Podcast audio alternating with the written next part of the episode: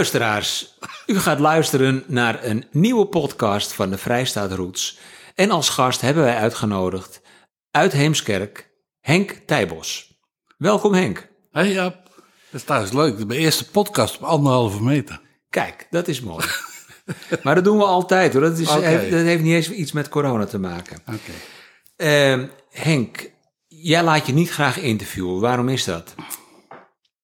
Is dat zo? Nou, ik merk als, als jij voor een interview wordt gevraagd, ervaar ik een beetje ontwijkingsgedrag. En ik weet dat dat niet naar mij persoonlijk is. Ja, er zit wel iets in. Ik eh, vind de producten die ik maak altijd belangrijker dan eh, dat ik er zelf wat over vertel. En vaak zijn het natuurlijk dingen die ik voor anderen maak.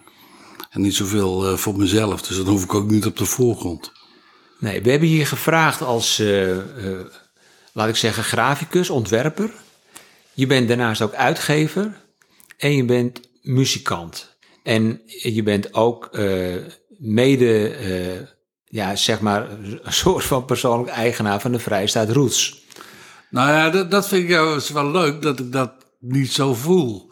Dat je dan eh, mede-eigenaar bent. Ik ben er wel vrij lang tegenwoordig, of ja, zo'n jaar of tien bij betrokken. En dat is trouwens ook wel leuk, want Jackie die belde mij toen. Je hebt het over Jackie de Vries. Jackie de Vries, die belde mij. En die zei van... eh, Henk, weet jij nog iemand eh, als vormgever voor het blad? Ja, nou, en dat was mijn vak. Maar dat was hij vergeten. Ik zei, nou, dan doe ik het wel. Nee, want hij associeerde mij weer altijd met muziekuitgaves... en niet zozeer met eh, grafische vormgeving. Nou, toen hadden we een blad gemaakt... en inmiddels zitten we er al op 35. Dus het gaat vrij vlot. Ja. En met allerlei boeken ertussendoor. En ja, en af en toe eh, zijn we het ook niet. Nou, meestal zijn we het wel eh, met elkaar eens, maar soms zijn we het ook niet met elkaar eens. Dat hoeft ook eh, niet. En dat vind ik dan wel grappig eraan. Want bijvoorbeeld, soms hebben we de discussie. Ik weet niet of dat interessant is, maar. We zijn natuurlijk geen stichting of zo, of we zijn geen vereniging. We zijn ja, meer een soort beweging. Zo voelt het bij mij. En dat wordt niet altijd door iedereen begrepen. En eh, daardoor kom je ook niet overal binnen, omdat je niks bent. Nee. Nee. Statutair ben je niks. En dat vind ik dus wel leuk. Want de O en de E in Roots staat natuurlijk ook een beetje voor onafhankelijk en eigenzinnig. Dus ik ben altijd groot voorstander om het zo te houden. Ja. Henk, hoe oud ben je? Eh, van 57 alweer 64. En waar ben je geboren? Zettergenbos, 1907 in de Schilderstraat, in het centrum. Tot mijn achttiende gewoond. Daarna eh, op, uit verveling gaan solliciteren. Knipte de advertenties uit uit de, de omroepbladen. En dan kon je solliciteren in psychiatrische ziekenhuizen. Voor de opleiding van eh, verpleegkundige B. En toen werd ik aangenomen in Kastrikken. En dan stond ik met mijn weekendtas met kleren en een platenkoffer. Die had je toen nog. Zo'n En, eh, harmonica-koffer. Ja, Ja. nou, dat was weer voor de ouderen, hè? Die Ja. waren duurder, harmonica-koffers. Dit was gewoon zo'n plastic bak met een klep. Ja. Die had je voor 7,95 bij de eh V&D geloof ik. Wat voor opleiding had je gedaan? Maar voor vier. Die, eh, en eh, als je toen de tijd, en dan praat ik over jaren eh, 1975, 74. Als je toen niet wist wat je wilde worden en je had maar voor vier, dan ging je de verpleging in. En had je maar HAVO, dan ging je meestal naar de pedagogische academie. In die tijd in Den Bosch, eh, waar, kun je dingen noemen waaruit blijkt dat jij toen geïnteresseerd was in vormgeving? Of waaruit blijkt dat je al geïnteresseerd was in muziek wellicht?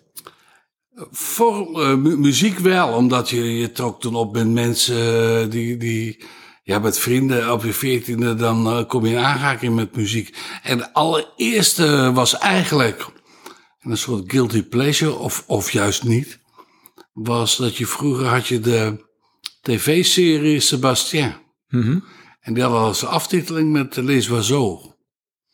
En ik denk, verdenk mezelf ervan, dat ik vanaf dat moment liedjes in mineur het mooiste vind.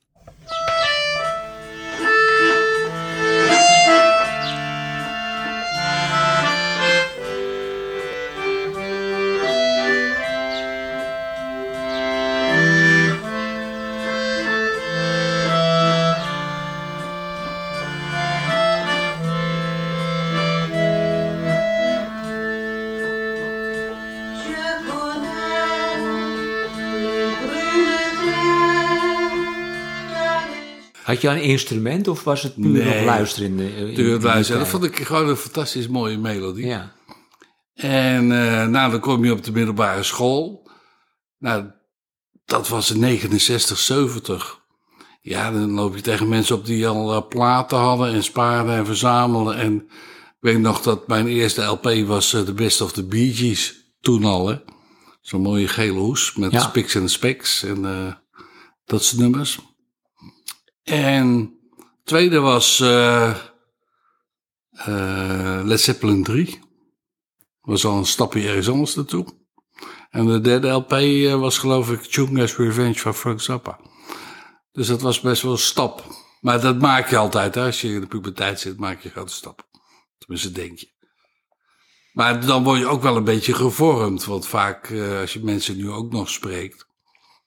Veelal wordt de smaak bepaald in de puberteit. En eh, eh, tot, tot je adolescententijd, zeg maar. Daar Ja, blijven veel ja. mensen in hangen.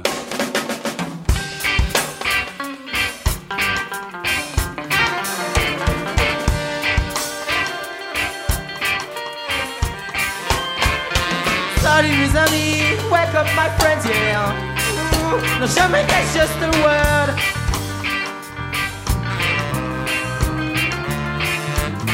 My friends, yeah. We'll take the first stop on the cargo. En, ehm, en, en dat, dat grafische of dat vormgeven, noem ik het dan maar even. Hoe, hoe uitte zich dat in de tijd dat je in Den Bosch nog was? In eh, 19, eh, moet ik het goed zeggen, 74 eh, had ik eindexamen gedaan van de MAVO. En toen had ik een vakantiebaantje kunnen krijgen bij een drukkerij. En za- zag ik daar eh, voor in die drukkerij, zag ik volwassen kerels met lijmpotten en scharen en snijmesjes eh, drukwerk in elkaar zetten. En dat heette toen vlakdruk, vlakdrukmontage, ik moet het goed zeggen. En dat vond ik wel een boeiend iets. Als je daar dan geld bij kan verdienen, met dat soort dingen. En dan, die waren lekker bezig de hele dag en een beetje ouwe. En ik werkte bij de afwerking. Vond ik ook wel leuk werk. Boekjes maken, nieten en zo. Dus wat dat betreft is dat gevoel van de grafische industrie daar ontstaan. Ja. En sommigen zeggen, als je er eenmaal aan dat druk inkt hebt geroken, dan kom je er nooit meer vanaf. Ja. We- komen er straks nog wel op dat jij eh, heel getalenteerd bent. Dat kunnen we best wel stellen. Maar kon jij in die tijd al merken dat je met iets beter was dan je omgeving? Zag je dat bijvoorbeeld al met, met, met, met tekenen of met, eh, met handarbeid of weet ik wat voor dingen? Ik tekende altijd met een schoolvriendje op de lagere school, altijd in de vakanties. Gingen we altijd eh, bij elkaar thuis aan aan tafel tekenen. Dat altijd. Maar wel daar zal je niet iedereen mee eh, voor hebben kunnen porren. Nee, maar dat, dat, dat ging automatisch en dat vonden we leuk. Maar ik kom niet uit een gezin waarin je nou de nek boven het maaiveld uit moest steken. Nee, hoor. maar ik bedoel, maar jij ging wel eerder tekenen dan voetballen. ja, op dat straat, ging of wel- niet? Ja, ja dat, dat wel. eh. En dan had je over die stripboekjes en dan gingen die tekeningetjes natekenen. En eh ja, toen de Pep en eh, de Shores. En eh, de, dat was natuurlijk iets waar je naar uitkeek elke donderdag. Ja. En dan, eh, nou, dan zaten wij er zo of, in alle vakanties, schoolvakanties. En ik moet je bij, bij vertellen dat in de op de lagere school in de vijfde klas hadden wij meneer Sanders. En die man die, die ging met ons tussen de middag altijd voetballen. En als de school weer moest beginnen, kregen we altijd eerst een reep chocola van hem. Ja, ja. Komt dan vandaag de dag eens op. En dan 's middags gingen we, mocht je of stripboeken lezen, want er een hele stapel achter de klas liggen. Of je mocht tekenen. Elke dag hetzelfde. Helaas is de man na de kerstvakantie niet meer teruggekomen. Dat, eh, Maar voor jouw ontwikkeling was het prima. ik vond het prachtig. voor dat Geweldig. facet in ieder geval, ja. Ik vond het geweldig. Ja. ja. ik denk nog met veel plezier aan die man terug. Curieus, maar mooi. Ja. Nou, toen was je in Castricum en eh, daar was je verpleger. Ja, En- op een gegeven en- moment moest ik wat, wat gaan doen. Want het, ik, eh, ja, Eh, het was een, een vakantiebaantje bij de drukkerij. En dan ging ik solliciteren. Werd ik aangenomen. En 1 mei eh, 1975 kwam ik hier naar Castricum. In, bij Duinenbos. In Teggen. In de opleiding. heb drie jaar gedaan. Geweldige tijd gehad. Maar het was natuurlijk een heel... eh, het was wel voor mij vreemd hoor. Want je komt toch... eh, uit een gezin van eh, u zeggen tegen je ouders en oma en opa. En dan moe- moest je denken tegen doktoren je en jij gaan zeggen. Ja, Ja, dat was ja. een beetje merkwaardig hoor. Ja. Dat, Ja. en als ik er al terugdenk, we hadden toen ook modern waren die leger schoenen. Van die zware bruine schoenen met rode veters. En daar hadden we dan, eh, die droegen we dan onder eh, zo'n witte jas. Nou, dat was natuurlijk ook heel ziek. ja. Maar ik heb een leuke tijd gehad, maar het was niet, niet mijn vak. Niet mijn Nee. vak. Het is wel een wereld waar je ook wel je eigen grenzen moet oprekken als het gaat om wat je bij mensen ziet en wat je dus ook van mensen moet leren accepteren. Eh, ja, ik maak even een, misschien een rare brug, maar je, je ziet. Je ziet het ongewone, zie je in ieder geval van mensen. Maar, dat heb je, maar dat heb jij denk ik ook beluisterd, bijvoorbeeld bij iemand als Sappa. En als jij nu kijkt van wat jullie met eh Amsing, komen we straks ook nog even op terug, maar wat je met Amsing doet, ben je ook niet echt doorsnee bezig. Je zoekt ook wel graag de, de, de, de vervreemdende factor en, en je wil graag reacties uitlokken bij mensen. Ja, ik ben niet iemand die eh, als om muziek gaat die covers speelt. Of eh, Nee. liedjes na wil spelen. Of Nee. eh, hele avonden op solo's gaat zitten. Want na twee maanden, maten ben ik het al kwijt. Maar een vorm van humor en zo en vervreemding moet er ook altijd wel in zitten. In, in, Ja, en dat heb jij met je grafische werk denk ik ook. Ja? Humor zeker. Als je, nou, ik zei het net al, we gingen van de Bee Gees. Dat waren natuurlijk allemaal, of allemaal, waren veel mineurliedjes. Ja. Ik geweldig. Led Zeppelin 3 was natuurlijk een oogopener van je welste. Met eh, akoestische muziek en eh, eh, ja, elk nummer heeft al een eigen verhaal. Dat dus, door moet ik wel zeggen, is natuurlijk ook, kregen we als 15-jarige te maken met Woodstock. Ja. Dat was voor mij ook eh, zoiets wonderbaarlijks. Ja. Dat dat eh, bestond en dat dat Ook kon. niet, het was ook niet doorsnee. Nee, dat is zeker niet doorsnee. En eh, ik begreep het allemaal niet in eerste instantie. En eh, later kwam dan eh, iets besef van de ene helft in Amerika van de jeugd. Dacht dat ze door middel van hash roken en muziek luisteren de wereldvrede vrede zouden brengen. Ja. Terwijl de andere kant van de jeugd, die deed het ook met hash, maar dan, die zat dan in Vietnam. Ja, Dat was ook zo tegenstrijdig. absoluut, ja. En dat hoorde je ook wel weer terug in de muziek. Als je eh, luistert naar het eh, volkslied van Jimi Hendrix. Ja. Wat overgaat in het bombardement. Ja. Ja, dat vond ik toch ook heel creatief en, en boeiend. Maar Woodstock was natuurlijk ook eh, de nodige humor wel te, te vinden in de muziek. Zeker, ja. Dus eh, die combinatie. En dan, als je dan Chunga's Revenge van Zappa neemt. Dat was, ja, muzikaal geweldig. Maar ook die teksten. Eh, over een vakbondsman. Die komt vragen of je de contributie al betaald heeft. Nou, dat, eh, ja, Ja, dat, is weird. dat ja, is toch? Dat is heel merkwaardig. Absoluut, ja. ja. En dan had je natuurlijk ook nog van Zappa toen de tijd live in de Fillmore East. Met eh Flo en Eddie. Ja, Twee, eh, die ook weird zijn. die ook allebei. weer zijn. Ja, geweldig. En prachtig kunnen zingen. En dan, ja, en dan die, die sketches hadden, die hadden echt Ja. of die hadden echt, hoe zeg je dat, cabaret in de muziek gebracht. Ja, Ja, en De, de opkomst van Nederlands Hoop. Ja. Hele aparte humor. ja. Dat, eh, Mooie tijd. ja, was geweldig. Wanneer ben jij je geld gaan verdienen met eh, zeg maar iets wat aansluit bij wat je nu doet? Dus zeg maar in de vormgeving of in. Ehm, ik, ik heb drie jaar eh, in de psychiatrie gewerkt. Ja. Toen heb ik allerlei baantjes gehad. eh, bij, in het Rode Kruis ziekenhuis. Bij de Famila in Beverwijk. Daar heb ik Donna ontmoet toen de tijd. De grootste superstore uit de omgeving was dat, hè? Ja. Dat, eh, daar heb ik gewerkt. Zie je Eh, toch dat het goed is dat je daar bent gaan werken? Ja, toeval bestaat niet, zeggen ze dan. Nee, daarom. Alles is voorbestemd. Ja. ja. Dus dat was. eh, en daar woon ik nog, nog steeds bij samen al 40 jaar. ja. En daarna. Oh ja, toen, toen ben ik. oh, 1980, dat was een beetje. Eh, een kwakkeljaar of 79. En toen ben ik in 1980 naar de grafische MDS gegaan. Moest toch iets eh, serieuzer gaan doen. En dat, dat vond ik fantastisch. Avond, Dat, eh, dag? Nee, het was dag. En dat is een raar hoor, als je dan zes jaar gewerkt hebt en zelfstandig Ja. je in- van een inkomen bent voorzien. Om dan weer vier jaar naar dagschool te gaan. Ja, gewoon naar de schoolbanken. En dan hadden we nog 26 vakken in de week. Je gelooft het niet, maar het gebeurde wel. allerlei grafische vakken, maar ook algemene ontwikkelingsvakken. En eh, ik vond het een geweldige opleiding, vier jaar lang. Ja. Die eh, hele mooie dingen. En, en, en toen werd het wel een, een beetje meer gevoed. Ja. Ik weet nog wel dat ik het vierde jaar, want ik walste er doorheen. Dat ik het vierde jaar had, de adjunct-directeur had mij ingedeeld in de administratief-economische afdeling van het vierde jaar. Dat was de afstuderen kant. Maar er was ook een esthetische afdeling. Nou, ik heb de eerste week meegedaan met administratief-economische. Toen ben ik naar hem toe gegaan. Ik zeg, of ik heb hem gebeld, zeg, ik ga dit verder niet doen. Dat, eh, wat wil je dan, zegt hij.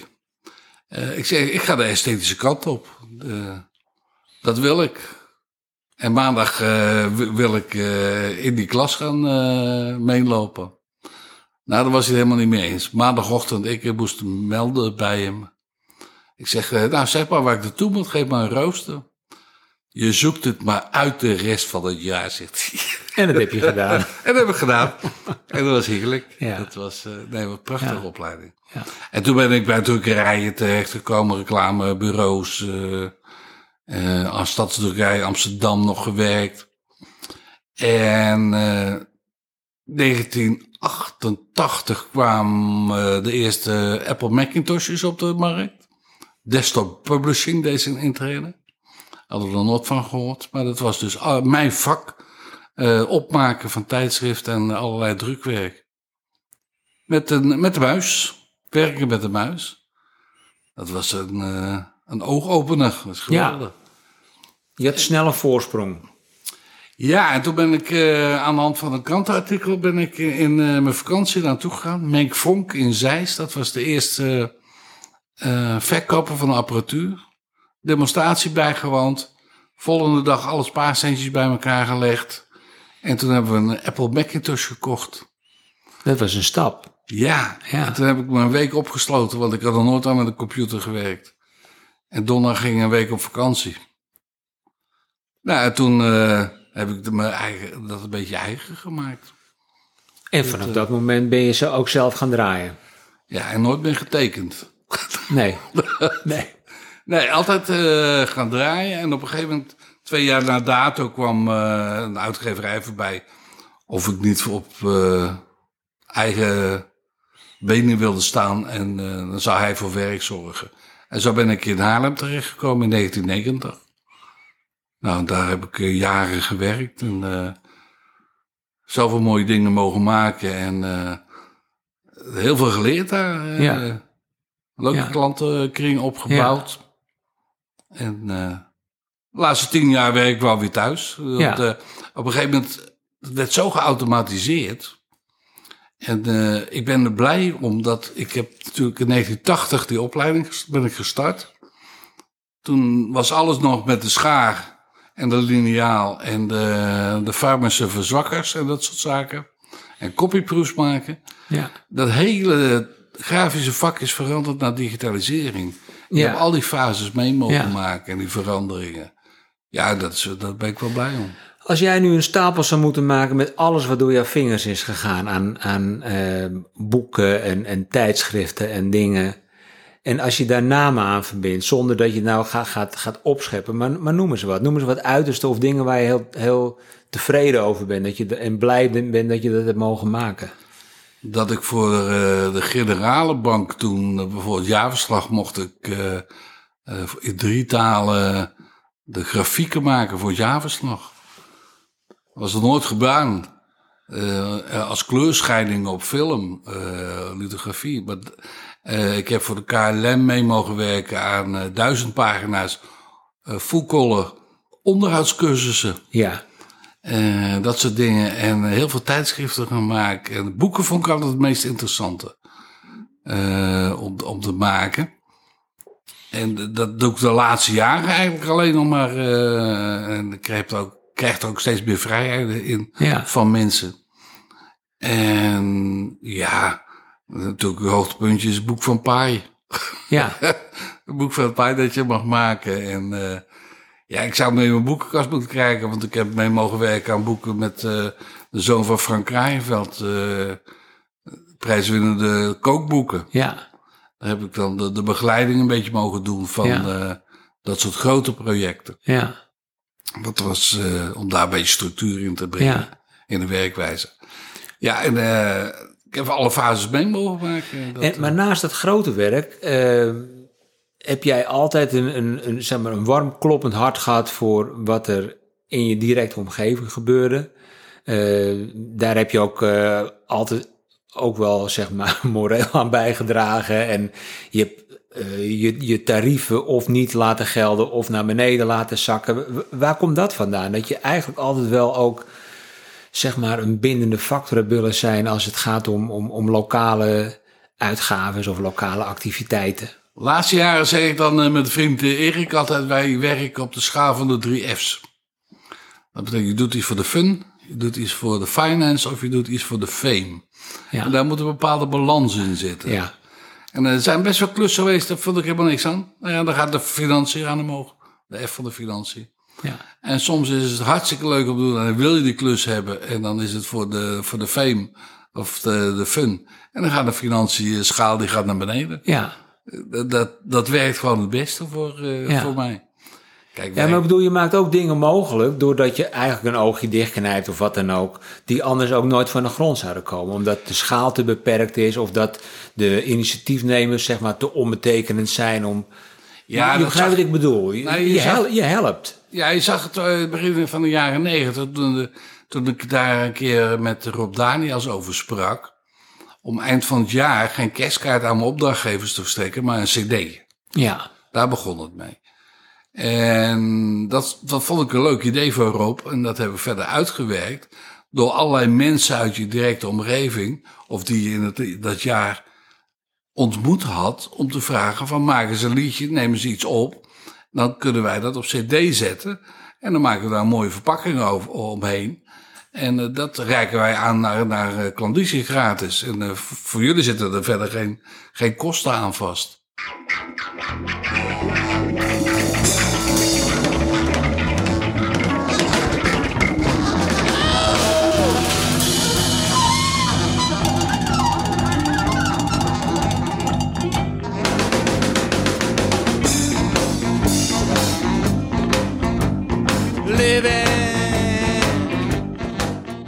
En dat was verschrikkelijk leuk om te doen. En zo zijn ook hele mooie dingen ontstaan. En ook, dat was niet voor iedereen ge- gegeven om een cd uit te brengen. Nee. Dat was toen vrij kostbaar. En wij deden er altijd verpakkingen omheen die een, minimale afname eh, betroffen van, van duizend exemplaren. Maar ze kosten wel 2,5 gulden per stuk. ja, ja, Maar dat deden we dan gewoon. We zaten toch in de hoge conjunctuur van de grafische industrie. ja. En dat kon allemaal. Ja. Dat was gewoon leuk om te doen. En dan maakte die mensen weer blij mee. ja. Je, je bent ook eh, gitarist. Nou, Nou, dat oké, dan zeggen we dat je muzikant bent. Ja. En dan zeg ik eh, dat je ook gitarist bent. Eh, eh, wanneer is dat begonnen? In, in wat voor, wanneer pakte je de gitaar voor het eerst op? En, Dat, dat was weer een beetje in Den Bosch. Toen ik jaar of 16 we- eh, was. Toen Ja. gingen vrienden, eh, een paar vrienden uit eh, dat clubje waar je altijd ja. in zit. Had je naar Duinenbos een gitaar mee? Ja, dat had ik ook een gitaar. Die, die heb ik ook nog Nee. steeds. Ja. Maar het is altijd bij... ja, ik noem het allemaal campingakkoorden gebleven. Maar ik vond het altijd leuk om te doen, dat pingelen. En eh, thuis namen ze nooit een dank af. Hè. Ik, eh, je speelt dan een E en een A en, eh, en een B7. Dat is heel lastig met vier vingers. En daar zat je dan je best op te doen. Want je moet het wel elke dag doen, hoor, want anders ben je het zo weer kwijt. Maar ik vond het verschrikkelijk leuk om, eh, om ermee te spelen. En dat is altijd wel bijgebleven. Dat, nou, je weet het zelf als muzikant. Ja. Je kunt, als je even treurig bent of zo, je pakt je gitaar en je slaat een paar akkoorden aan. Dat is altijd weer een eh, genoegen. En dat is eh, zo'n beetje door gaan sukkelen. En af en toe kwamen nog wel eens mensen tegen. En eh, ik mocht natuurlijk nooit met de grote jongens meespelen. Hè? Dat was je niet goed genoeg voor. Vond je dat zelf? Nee, het was ook meer eh, de attitude van, van sommige eh, gitaristen. Ja. Die vinden het dan fantastisch als ze 200 nootjes in, in een minuut kunnen spelen. Het zal me de worst zijn. Ja. Ik heb liever dat ik één noot goed speel Ja. dan 200 heel snel. Dat eh, doet me altijd denken aan B.B. King, weet je. Als die één noot speelt, dan weet je al hoeveel hoe gevoel eruit kan komen. Ja. En dus dat vond ik wel. Maar ik vond bijvoorbeeld de jam sessies in Beverwijk Ja. op donderdagavond vond ik altijd geweldig. En die, die essentie, hè, probeer het ook in je grafische werk te doen. Want ik heb die prachtige brochure van je mogen zien. Die, eh, nou ja, het, het is een soort van, van, van visitekaartje, maar wel op een heel mooi formaat. En met eh, ja, prachtige prenten erin. Daar, daar komt eigenlijk heel veel dingen komen er eh, samen. Hè? Het formaat van een LP-hoes. Ja, eh, allereerst. En ik ben altijd wel bezig geweest. Hoe kan ik nu met zo min mogelijk producten een eindresultaat naar behoren creëren? Of wat Ja. ook. Dat heb ik ook gedaan met de aanschaf altijd van eh, mijn eh, computers. ja, En hoe kan ik dan met zo klein mogelijke machine zo groot mogelijke productie draaien? Dat vond ik een uitdaging. En hoe kun je efficiënt werken door conversieslagen te maken van bestanden. Ik weet nog dat eh, men, eh, grote bedrijven zaten gewoon te klooien met het verbinden van twee, eh, twee grafische bestanden. En ik draaide mijn hand daar niet voor om, want ik wist wel hoe het in elkaar zat. Tot zelfs vier jaar geleden. KLM, die moest een jaarverslag maken. Ze kwamen er niet uit. Een bedrijf van 30.000 mensen. Daar hadden ze geen IT'er die eh, twee bestanden aan elkaar kon koppen. Via via kwam dat bij mij. Dus het KLM-jaarverslag van 2014 is op een kamertje in Heemskerk gemaakt. ja, mooi. Ja. Dat zijn wel leuke dingen. Ja. Maar als ik die, die, die, die, die prenten zie die in eh, dat boek staan, hè, dan het valt mij op dat jij eh, eerder van strak houdt dan van tierenlantijnen. Ja, dat is ook een beetje de. Hoe eh, breng je nou hè, eh, met zo min mogelijk eh, hoe zeg je, activiteiten of zaken dingen tot stand? En daar is dit eigenlijk pas sinds een jaar uit voortgekomen. Hoe kun je nou een verhaal blijven vertellen? door zo min mogelijk lijnen te hanteren of gebruiken of vlakken. Maar jij bent ook niet voor de begeleidende tekst. Dat doe je ook niet. Nee, dat heeft iemand anders gedaan. Ja, nou ja, goed, maar dat is, maar dat is minimaal. Ja, ik heb, eh, nou, het boek is een, eh, een zogenaamd flatboek. Dat wil zeggen dat alle pagina's helemaal vlak liggen als je het openslaat. Dat is al een eh, bijzondere afwerkingstechniek. Iedereen kent de rug van een boek dat je het heel open moet breken. En moet houden, want anders klapt het weer dicht. Kan met dit boek niet. Dat is de afwerkingsmethode. En je ziet ook niet waar de rug zit. Dat vind ik ook wel interessant. En eh, het is ook weer, zo- zoek je naar die eenvoud. Hè? Ja. Die, eh, hoe, hoe kun je dat dan... Maar er zit ook een echo in van inderdaad het artwork van Led Zeppelin. Eh, de vogeltjes die erin komen, die, die- dat is eigenlijk een parafrase van de Woodstock-vogeltjes. ja, ja, ja. En dat zijn allemaal dingen die je, jij bent inderdaad in die periode gevormd. En Ja, tenminste, maar- het zijn elementen die je leven met je meegaan. Ja, ik heb ook maar één letter op de voorkant gezet, namelijk de G van grafiek. Of wel grafisch. Je kunt ook G van eh, gek neerzetten. Wie, wie doet dan zoiets? Maar ik vond dat leuk. En dit is soort een samenvatting van wat je al afgelopen jaren hebt gedaan en waar je mee bezig bent geweest. En ik werd er eigenlijk door aangestoken omdat ik bij Joop Visser was. Die had een gigantisch mooi schilderij van Han Jansen aan de muur hangen totaal ander werk dan de- de- dit wat ik nu gemaakt heb. Maar toen ben ik gaan zoeken naar Han Jansen en die maakte zeefdrukken. En zo kwam ik op dat idee. Toen begon bij mij het kwartje te vallen. Ja, van hoe ver kun je nou elementen terugbrengen tot hele eenvoudige vormen. En daar een verhaal bij laten bedenken door de mensen die het zien. Dan kan ik er dus een boek maken zonder letters. Ja, Maar dan zal de fa- fantasie van de mensen het moeten maken. ja, En ik geef alleen een, een voorzetje. ja. Dus het is ook prikkelen. Het is ook prikkelen, want dat, dat, eh, ja, daar, daar heb ik toch eh, heel veel plezier van de laatste jaren eh, binnen mijn werk, laat ik Ja. het zo zeggen. Want ik, Ja, sommige mensen zijn er niet blij mee, maar... Nee, dat- maar dat zijn de bekende discussietjes over wat er op een bepaalde wand in Heemskerk zou kunnen komen. En Ja, dat Ja. is al Ja. lachen van... eh, Ja. het- het- er zit al cynisme in. ja, En, eh, het is gek hè. Ik heb eh, een, tijdje terug een tekst geschreven van neem jezelf niet serieus. Maar dat geldt voor jou ook. Je neemt jezelf op de ene manier verschrikkelijk serieus. ja. Maar je kan er ook vreselijk om lachen wat je allemaal doet. En, eh, maar ook wat je in de omgeving kunt bewerkstelligen. eh, om mensen ook een, een soort spiegel voor te houden. Dat ze zichzelf ook niet zo serieus en opgeblazen moeten gedragen. Nee, precies. Dat is, eh neem jezelf niet zo serieus. En eh, gebruik ook een beetje je fantasie. Want we zitten al veelal vastgeroest Ja. in zoveel regeltjes. En als ik dan toch ook weer kijk hoe gemeentes opereren naar de burgers toe. Ehm, ik had eens een hele discussie over... Of discussie, ik heb het al vaker gevoerd over lintjes. Dan vraagt de gemeente of ze nog iemand weet voor een lintje. Nou, de koning heeft ook wel gevraagd. Nou, ik weet al een paar mensen. Dus die, ja, die namen had ik gemaild. Plus een hele korte waarom. Nou, dan word je weer gebeld. Ja, maar eh, je weet toch dat er allerlei formulieren voor ingevuld moeten worden. Ja, ik zeg, en dat ga ik dus niet doen.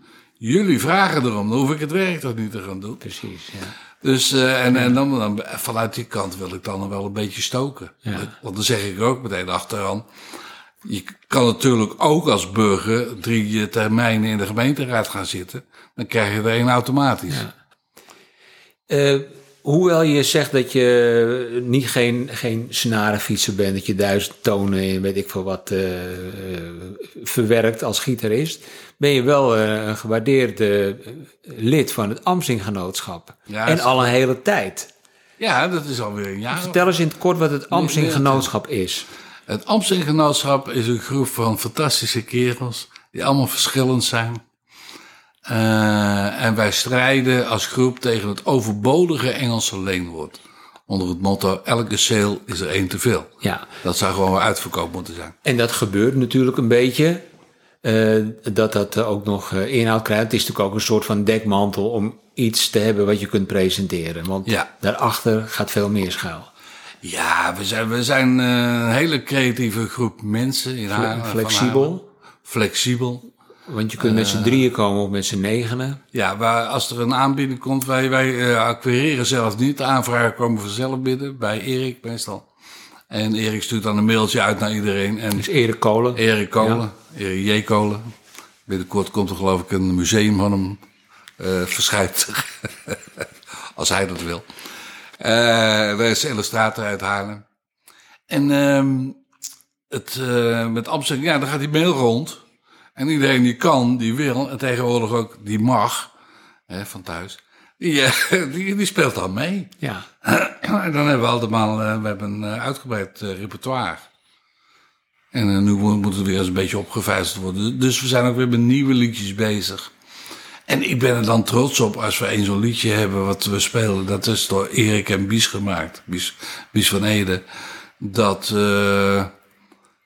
hele leuke bekende muzikanten daar meespelen. Eh, Milou Frank, Boudewijn de Groot, noem maar op.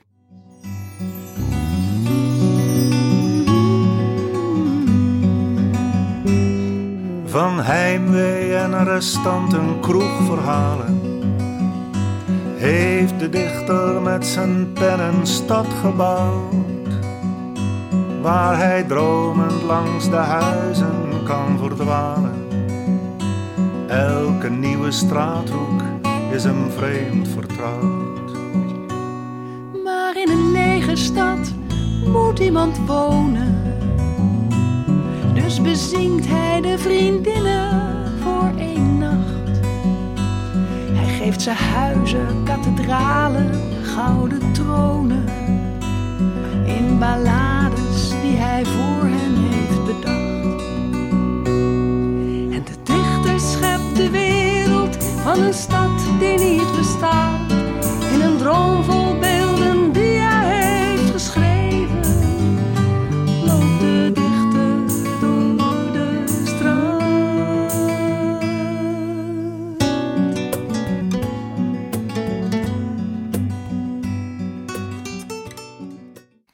Die zingen daarop mee. Maar eh, ook andere muzikanten die het leuk vinden om bij ons een eh, avondje mee te spelen. Dat- Die lijst is gigantisch. Ja, Tot in, eh, in België aan toe. het is een, lijkt mij voor jou ook een, een prachtige uitlaatklep. Absoluut. Het is ook druk. Ja, je woekert eh, met je tijd. ja, we spelen, voor corona speelden we 50, 60 keer per jaar. Ja, en, maar ook met je andere activiteiten. Ik ken jou als iemand die altijd van alles aan zijn kar heeft hangen. Ja, maar zo voelt het niet. Nee, je vindt het gewoon leuk. Misschien dat het thuis wel zo ervaren wordt hoor. Dat, is, dat scheelt wel eens. En, en binnen die hectiek heb je een jaar of tien eh, geleden inderdaad besloten, wat we net ook al even noemden, dat je 50% van eh, de Vrijstaat Roots eh, bent.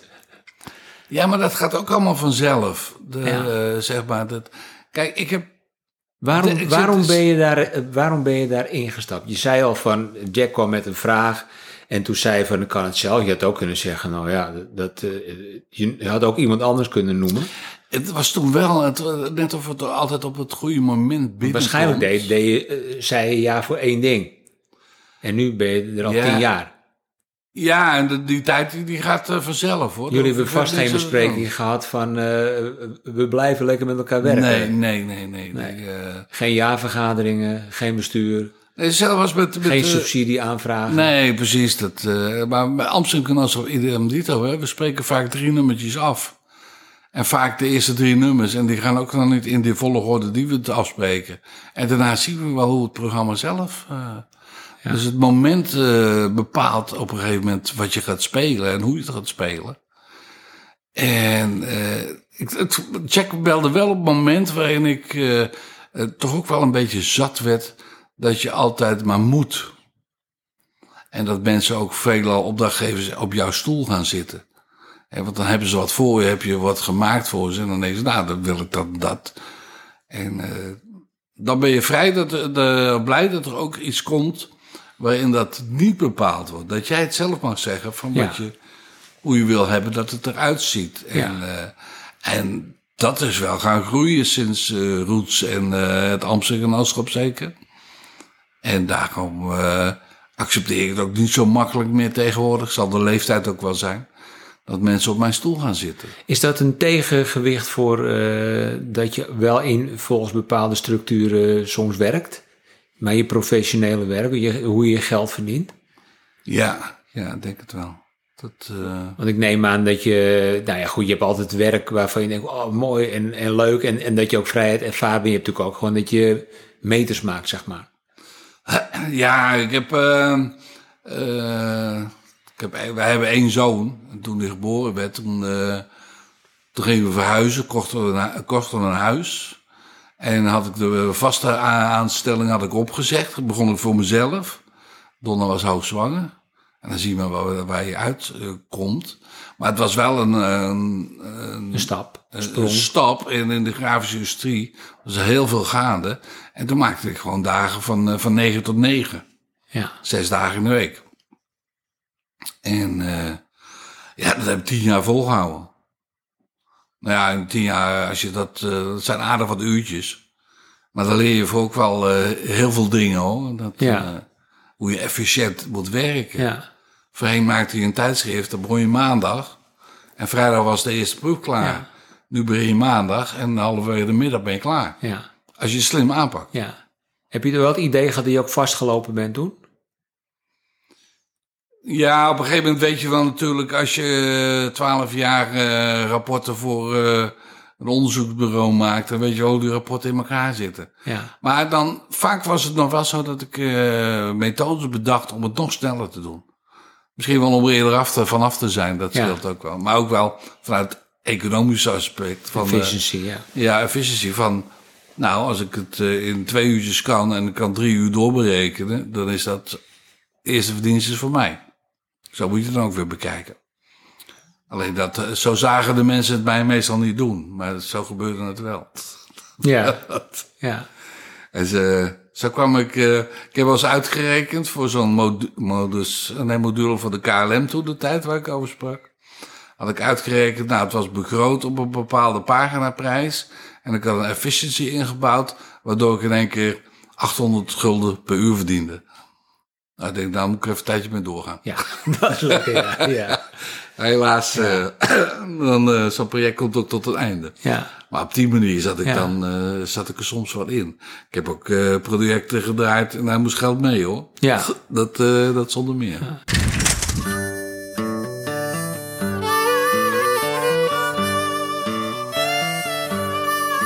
Ik zing een lofzang op de stad, waar ik de meeste pret steeds had. Als u een lust hebt, kunt u meedoen, nou vooruit, hoe vindt u dat? Het is de stad waar ik ben geboren en nog steeds mijn woonplaats is. Het is Haarlem, stad der steden, dat is zeker en gewis. Want ik ben een Haarlemse jongen.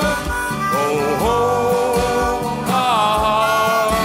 Met Haarlemse lucht in mijn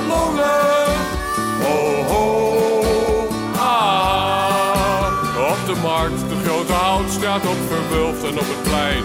Ik ben overal te vinden waar die lieve meisjes zijn. Blijft voor mij nog steeds bestaan. Haarlemse meisjes bovenaan. Hey, het is nu dinsdag, het is eh uurtje of negen. Weet jij nou wat je morgen gaat doen?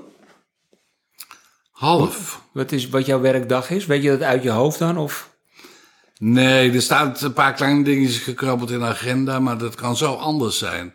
Want ik kan morgen iets in mijn hoofd hebben wat, eh, waar ik eh, mee wil beginnen. En dan hoeft er maar één telefoontje te gaan en de hele dagplanning ligt eh 180 graden gedraaid. En dat vind je lekker ook, dat het zo kan lopen. Ja, ik, ik moet die sleur niet meer hebben. Die, eh, en ik hoop, eh, daar werk ik, ik dan nu na, naartoe, dat ik binnen vier kwartalen het moeten werken heb kunnen omzetten naar het mogen werken. Ja. En dan zou je het nog heel lang vol kunnen houden. Ja, dan, eh, dan heb ik nog wel plannen. Wat, wat ik dan mis is dat eh, nu, omdat je moet, zitten er ook levertijden, levertijden aan vast. Ja. En dan wil ik wel eens met projecten, weet je wel, waar je lekker vijf dagen aan kan werken. Zonder dat iemand in je nek staat te hijgen van heb je het al af. Ja. Maar ik val ik, eh, nu ook weer bezig. Dat is een geweldig project. Dat werk ik al vier jaren. Dat is een boek over managers. En die opdrachtgever is een geweldige kerel om mee te werken. Maar die heeft ook zo'n truc. Dan belt hij op en dan is het van... Godverdomme, is dat boek dan nog niet af? Die, eh, en dan bedenk ik altijd smoesje, maar we hebben de grootste lol. Ja. En als hij klaar is met zijn telefoongesprek, dan hangt hij altijd op van... eh, ja, maar ik ook voor jou. Goed, hè? Ja. Ja, dat zijn leuke contacten. ja. Ik heb ook wel andere verhalen, maar dat is een beetje zinvol om dat op te Heb raken. je nog een vraag gemist nu of niet? Nou, ik denk, volgens mij kan ik nog wel een uur vullen. Ja. Die, eh, Zullen we niet doen, hè? nee, ik weet niet of dat mensen, eh, of die podcast daar nou blij van wordt. Dat, eh, nee, ik, ik heb nog zoveel eh, plannen en ideeën liggen er nog om uit te werken. En wat ik al zei, gewoon hele avonturen en met name ook boeken waar eh, bijvoorbeeld meerdere verhalen doorheen lopen. Niet alleen qua tekst, maar ook qua, qua beelden en eh, eh, vormen. En bijvoorbeeld, dat is een van de hoogtepunten, mag ik wel zeggen. Het boek van Gaston, vind ik zelf. Dat is over gesneuvelde eerste wereldsoldaat. En dat, de bassist van het Amsterdam had brieven uit een erfenis. Die zijn weer vertaald door iemand die het leuk vindt om bij ons te zingen. Eh Bies van Ede is tekstschrijver, die heeft er gedicht over gemaakt. Dan zijn naar de plek toegegaan. Eh, Erik heeft illustraties daarvan gemaakt van die reisjes. En zo is dat bij elkaar gekomen. En eh, dan zeggen ze tegen mij van, maak er maar een boek van. En het wordt multimediaal dan eigenlijk. Ja, dat is zo, zo leuk om te doen. Ja. En het, het was ook een boeiend verhaal. Want je leert dan ook heel veel nog van wat je vroeger op school niet te horen kreeg over de Eerste Wereldoorlog. En dat gaat je ook weer aan het denken zetten en, en met name vormen. Want ik begin er steeds meer in te geloven Ja. dat eh, eh, alles, alle nadigheid waar we nu eh, vaak in zitten, veroorzaakt wordt door, door uitsluiting. Ja.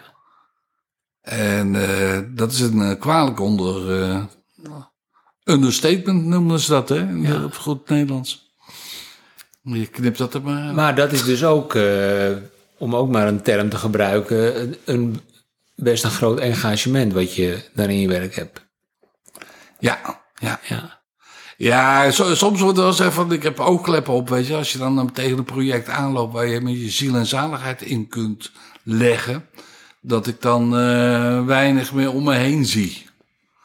Maar ik denk dat het dan best wel meevalt, omdat je toch op heel veel aspecten Het is ook een daarmee focus, bezig je hebt toch ook een bepaalde focus nodig? Ja, zeker. Zeker voor dit soort dingen. En eh, daar ligt nog heel wat eh, te doen om dat de mensen onder de aandacht te brengen. Op alle vlakken hoor. Want eh, eh, het, het klinkt zo simpel, eh, niet uitsluiten, maar eh, het gebeurt overal. Absoluut. En het is eigenlijk ook niet makkelijk om het niet te doen. Want eh, zet, eh, zet maar iemand snel aan de kant, dan ben je er vanaf. Nee, degene die je aan de kant zet, daar gaat het probleem in, in woekeren. En eh, dat, komt, dat kom je weer tegen op een gegeven moment. En dan is het vele malen groter dan dat jij op dat moment zelf had kunnen oplossen. En, eh, Dan ben dan- jij dus een eh, inclusieve vormgever. ik hoop het. Maar Koffie? Eh, zullen we koffie doen? Doen we koffie? Ja. Zal ik eh, afsluiten met een eh, mopje muziek? Dat lijkt me altijd mooi. Ik hoop dat u nog... eh, Koffietijd.